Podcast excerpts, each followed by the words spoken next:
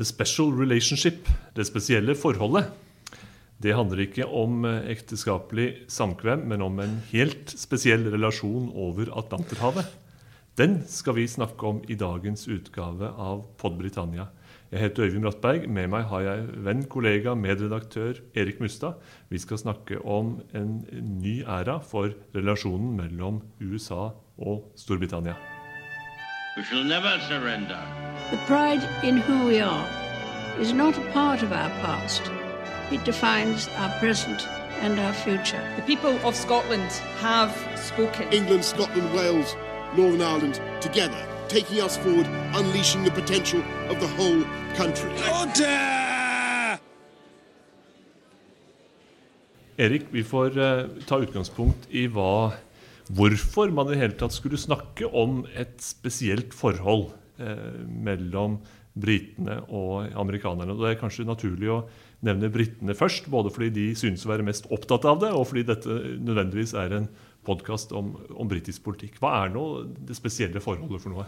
Ja, Dette var jo noe som kom ut av alliansen i andre verdenskrig, eh, og har vel eh, sitt opphav eh, der.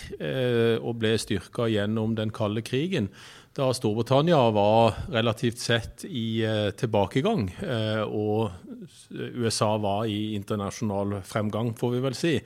At den nye verdensordningen etter 1945 gjorde at de gamle imperiestatene nok eh, trakk seg noe tilbake og var tvunget til å gjøre det. Mens eh, USA og Sovjetunionen var de to store nye uh, supermaktene. Dette spesielle forholdet ble da et asymmetrisk forhold mellom Storbritannia, som var vant til å være storebror, men som nå etter hvert måtte finne seg i å være lillebror til USA. og dette gikk da gjennom 40- og 50-tallet. og Mange husker vel kanskje, og syns vel også at SUS-krisen var det som kanskje førte til at Storbritannia endelig innså at de var i, i de fleste militæroperasjoner, iallfall, og, og, og når det gjaldt eh, etterretning, fullstendig avhengig av uh, USA. Og Så har jo dette gått da litt i bølger eh, fra den kalde krigen og fram til i dag. Uh, og vi står jo nå på terskelen til å få en ny britisk statsminister. Og Da er jo spørsmålet hva vil fremtiden bringe i, i, dette forholdet? Og hva kan historien fortelle oss om eventuelt hva som vil komme nå i, i årene som kommer? Den eh, historien eh, sier oss jo noe om slektskap, men den sier oss også noe om grunnleggende verdiforskjeller, eller i alle fall kulturelle forskjeller. Hvis man, tar, hvis man spoler tilbake til før annen verdenskrig, eh, da, da, Churchill og, og, Roosevelt jo sto fremst i, i, kampen for den frie verden og, og, og på et vis sementerte alliansen på den måten. Tar man et steg lenger tilbake i, i historien, så ligger det vel også noe grunnleggende motsetning her mellom Amerikas forente stater, frigjort fra det britiske imperiet, og mm. et, nettopp et britisk imperium som hadde et, hva skal man si, en annen visjon for hvordan verden og dens uh, mange territorier skulle tilpasses ens, ens, ens, egne ønsker. Var det et stort sprang med, med annen verdenskrig å etablere det det felles tospannet som, som, eh, kom ut av det. Det er vel kanskje, eh, som du sier, eh, krigen som blir omdreiningspunktet, som gjør at mange av disse forente verdiene blir nettopp forente, fordi at de hadde forskjellig utsyn eh, kanskje gjennom første verdenskrig og inn i, i etterkrigstida. Eh, på 30-tallet, da amerikanerne sleit eh, med, med eh, krisetider, nedgangstider, vanskelige tider var det også i Europa, selvfølgelig. Men de hadde jo to veldig forskjellige utgangspunkt historisk sett. Men den alliansen da som kom under den andre verdenskrig, var vel kanskje det som gjorde at man plutselig begynte å se på hva er det som forener oss, mer enn hva som skiller oss. Og der kom vel disse eh, historien eh, mellom, mellom, en imperiemakt eh, og en, et imperie eh, som, som, da selvfølgelig etter andre verdenskrig som sagt begynte å falle sammen. Eh, men fra tidlige tider et, et imperie som var det største imperiet historien hadde sett, med eh, USA eller Amerika som hjørnestein i det første imperiet. og De hadde jo veldig forskjellige utgangspunkt også historisk, men, men så ble da denne vektleggingen av det som forente de mer med språk, kultur, verdier, og, og, det faktum at det var veldig mange briter, eh, irrer, eh, iallfall kelter og anglosaksere som, som, dro til USA i de første bølgene av immigrasjonen til USA på, på, på sent 1700-tall og også for så vidt tidlig 1800-tall. Så, så man, man, ser vel at det blir en mer forenlig måte å se verden på etter andre verdenskrig, når verden forandrer seg såpass som man gjør, og at disse felles verdiene er det som vektlegges snarere enn det som, som skiller de. Churchill selv var jo, han var jo opptatt av um, historien til de engelsktalende folkeslag som, mm. han, som, han, snakket om. Og han så vel kanskje at med, med, krigen så trer det felles verdisettet tydeligere, tydeligere mm. fram. Mm. Her er det noe, er noe, som er fascinerende for oss hvis vi er opptatt av um, europeisk politikk så vel som, som uh, Storbritannia. Så er det jo i britisk sjargong så snakker man jo iblant om noe Dels om dette fellesskapet mellom engelsktalende folkeslag, og dels om, om Anglo-Amerika. Eh, og et bestemt sett med verdier, bestemt sett med mm friheter, kanskje, hvor, hvor, politisk og økonomisk frihet er ofte del av den samme pakken, og med, med, med, liksom, med politisk stabilitet. Eh, hva er egentlig hva er disse, hva er disse verdiene, er disse hvis man verdiene? mener at det er et, et sammenhengende sett som liksom har mm. har, har, et slags felles utspring, eller et fellesskap, i alle fall. Det var, det var, vel måten å se den økonomiske, politiske situasjonen på, med frie markedskrefter, eh, med fri presse, altså talefrihet, pressefrihet, ytringsfrihet. Eh, at et liberalt demokrati hadde noe mer ved seg enn et, et demokrati, hvor, hvor, man på mange måter definerer det som retten til å stemme eller delta i, i uh, politiske valg et liberalt demokrati som, som, vi har lært å kjenne det, kanskje eh, med USA og Storbritannia som foregangsland på mange måter, eh, hadde da alle disse andre eh, frie markedskreftene og, og, ytringsfrihet og pressfrihet og dette som, som grunnsteiner eh, i sine fortolkninger av disse egne demokratier som liberale demokratier. Og Dette kan jo du mye mer enn meg om, du som er statsviter. Eh, eh, men et det, virker jo i hvert fall sånn at eh, når verden ble som den ble etter andre verdenskrig, så var det naturlig at disse to søkte sammen. Eh, og at, eh, at, eh, den asymmetrien som, som, lå der, og den hadde for så vidt ligget der historisk også, men Storbritannia så mye større og mektigere enn en USA, selvfølgelig, fordi at USA er et ungt land. Eh, så, så, ble dette snudd på hodet da, etter andre verdenskrig. Eh, og, det, og, det, gjorde jo at, at vi ser at britene eh, kanskje ikke innser før 1956 og Suez-krisen at de er fullstendig avhengige av USA på veldig mange områder. Og da gjelder det ikke bare at de har en masse eh, verdier, eh, lik kultur, eh, likt språk, eh, og at de har en felles historie. Eh, selv om det kanskje er motsatt og opp, opp ned nå etter andre verdenskrig, så, så, så, virker det jo som de innser at de, de er nødt til å leve med den asymmetrien om at USA er så mye mye større og mye mye mektigere enn en de sjøl. Skal man male med, med, brede penselstrøk, så kan man vel si at den lange perioden etter annen verdenskrig, og spesielt etter Suez-krisen i 1956, som, som, du, som, du, er inne på, at man da finner et, et effektivt tospann hvor mm. man er, er, sammen om eh, hva skal man si, den USA-ledede USA siden i den, i den kalde krigen, om å forsvare liberalt demokrati, politisk frihet og mm. frihandel som en slags økonomisk eh, eh attpåklatt til hele, hele frihetsbegrepet. Mm. Og det er jo en ganske tydelig agenda fram til Berlinmurens fall og, og, de store skiftene som skjer rundt 1990. Mm. Eh, hva kan man si om det britisk-amerikanske forholdet i de tiårene som er gått etterpå? Altså Etter den kalde krigens slutt, har ting blitt mer komplisert og flokete dem imellom? Eller er det bare verden som sådan som er litt mer mangesidig og, og komplisert? Ja, det er kanskje begge deler. Og, og, verden har blitt mer komplisert, mer uoversiktlig. Og kanskje nettopp det har gjort at dette forholdet har bestått med sine oppturer og nedturer. For et sånn type forhold eh, avhenger jo av hvem som sitter ved makten i Washington og hvem som sitter ved makten i, i London. Eh, det avhenger jo også av eh, politiske hendelser rundt forbi i verden og hvordan verdensbildet til enhver tid ser ut. Så denne lange elva, i, hvis man kan bruke en sånn metafor i, i forholdet mellom Storbritannia og USA, har jo hatt sine opp- og nedturer i løpet av den kalde krigen og, og, og fram til, til 90-tallet, som, som, vi var inne på. Og på 90-tallet ble det jo veldig veldig styrka, eh, spesielt etter 97, da Tony Blair kom til makten. Og det var jo f.eks. da Tony Blair gikk eh, av i 2007 og Gordon Brown overtok, så var det jo store diskusjoner om at dette forholdet til USA var altfor tett. Eh, det samme opplevde vi under Margaret Thatcher og Ronald Reagan på 80-tallet, som også delte dette økonomiske, eh, ideologiske Eh, som handla om frie markedskrefter og, og right wing eh, conservatism, eh, som, som, som, gjorde at de ble ja, eh, to ideologiske hjertevenner, eh, kanskje.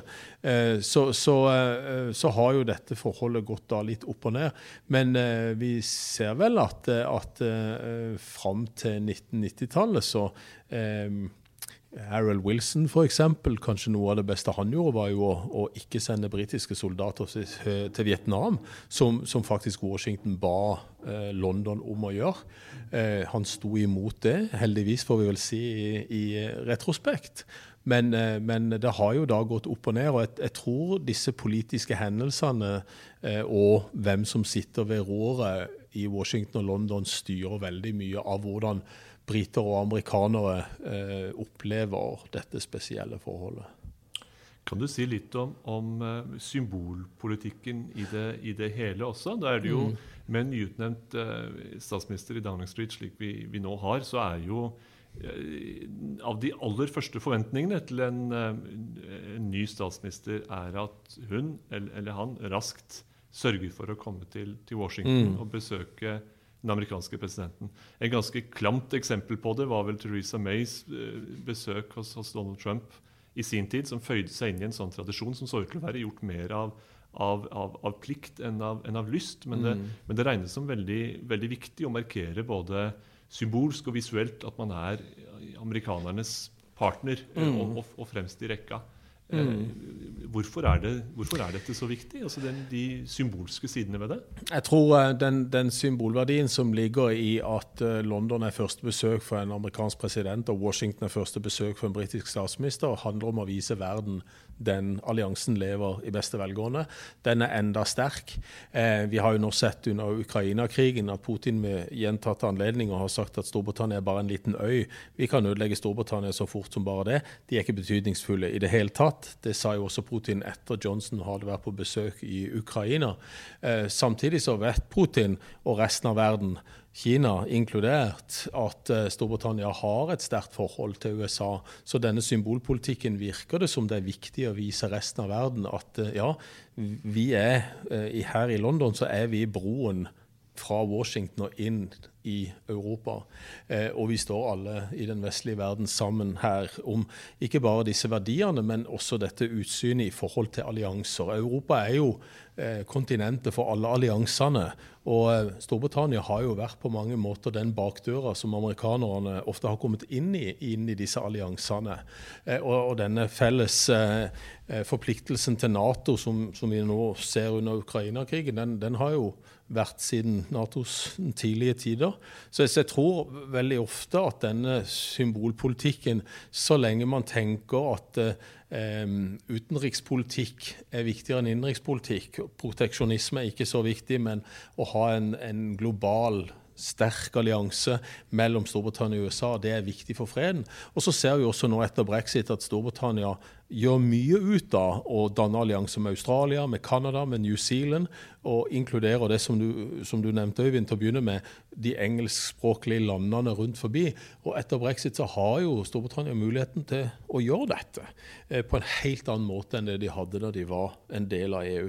Eh, så jeg tror veldig viktig, iallfall for Storbritannia, eh, som vi kanskje ofte tror har mer igjen for dette spesielle forholdet enn det kanskje amerikanerne har, fordi at det er litt asymmetrisk, dette forholdet.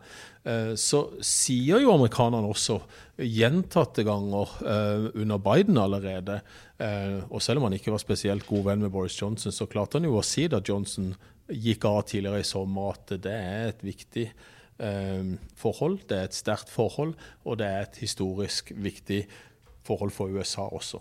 Så, så, det er ikke bare en sånn oppkonstruert idé om at Storbritannia er en puddel for, for USA, eh, selv om Blair under, under eh, krigen mot terror eh, etter 9-11 ble, ble, kalt eh, Bushes puddel.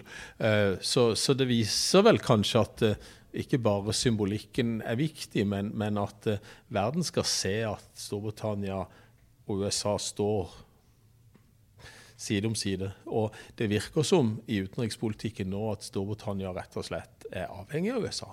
At de har som en del av sin galopperende utenrikspolitikk, endrende utenrikspolitikk, eh, nesten nedfelt at eh, USA kommer først.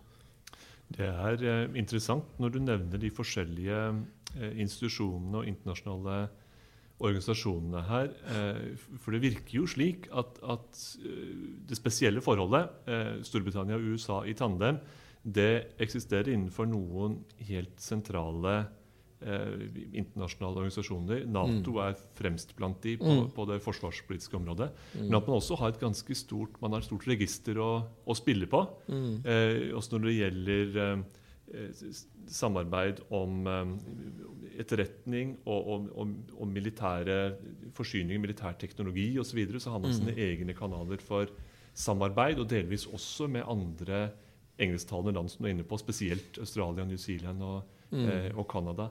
Og det mangfoldet av institusjoner og, slikt gjør, kanskje, gjør, det kanskje mindre sårbart òg. At man har flere, flere kanaler å holde åpne. Mm. Eh, det er vel også en del av argumentasjonen hos brexit-folket i Storbritannia når de sier at Vel var EU-medlemskap viktig eh, også som et sånn, et, for vår posisjon vis-à-vis -vis USA, men vi har så mange andre muligheter for å ivareta det forholdet at vi kan godt tre ut av EU og kanskje mm. Bli en vel så god partner for, for, USA. Hva tenker du om det argumentet? Jo, jo, jeg tror du har helt rett i det. Og jeg tror det, eh, at på mange måter så, så ligger den der engelskspråklige alliansetrangen der eh, veldig sterkt hos brexit-folkene. For de ønsker ikke bare USA, de ønsker jo å være en global aktør, f.eks. også i Asia.